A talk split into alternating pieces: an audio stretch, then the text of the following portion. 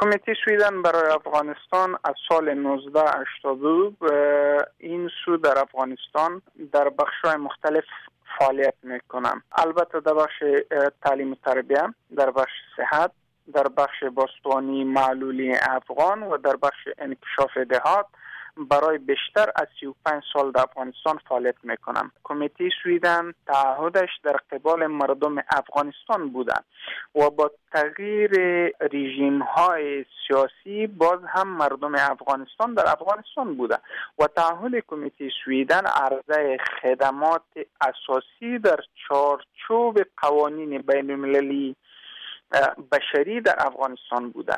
ما در این اواخر در ولایت لغمان مخالفین مسلح دولت یک سلسله تهدیدات برای کمیته سویدن ارائه نمودن که در مقابل به این تهدیدات کمیته سویدن برای افغانستان مجبور شد تا دفتر اداری کمیته سویدن را در مهترلام که مرکز ولایت لغمان است آن را مسدود نماید. و در نتیجه این تهدیدات 20 کلینیک صحی سویدن در ولایت لغمان بسته شده. البته کمیته سویدن من حیث یک ارگان غیر انتفاعی و غیر دولتی در افغانستان مسئولیت و امنیت کارمندان خود را بسیار زیاد اهمیت می‌دهند. آیا خواسته های از اونهایی بوده که شما نباید خدمات صحی را برای کارمندان دولتی داشته باشین یا اگر بر ما روشنی بتین که دقیقا خواسته از او از شما چی بوده که باعث شده این مرکز شما بسته کنه؟ البته فعلا 20 کلینیک صحی در ولایت لغمان بسته است و همچنان ما در این اواخر تصمیم گرفتیم تا دفتر اداری ولایتی لغمان را بسته نماییم. علت اساسی آن در این است که مخالفین مسلح دولت می‌خواهند که ما بعض یک تعداد از کلینیک ها را در بعض مناطق ارتقا بدهیم از لحاظ عرضه خدمات صحی و ما مکلف کمیته سویدن برای افغانستان مکلف به این است که در, در چارچوب استراتژی ملی افغانستان عرضه خدمات خود را تنظیم بدهد.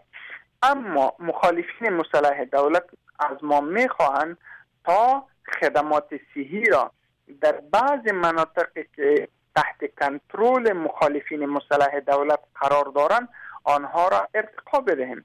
ولی پالیسی های وزارت محترم صحت عامه در این راستا واضح هستند که ما در کدام مناطق می توانیم که کلینیک های دارای خدمات جراحی را داشته باشیم. بسته شدن این مراکز در این منطقه ها چی تاثیرات سوی بالای مردم محل داره؟ مثلا برای باشندگان مهترلام. البته ما از این نگاه بسیار زیاد در تشویش هستیم. در کل در ولایت لغمان در حدود چهار لک و هفتاد هزار اطفال خانم ها و مردها.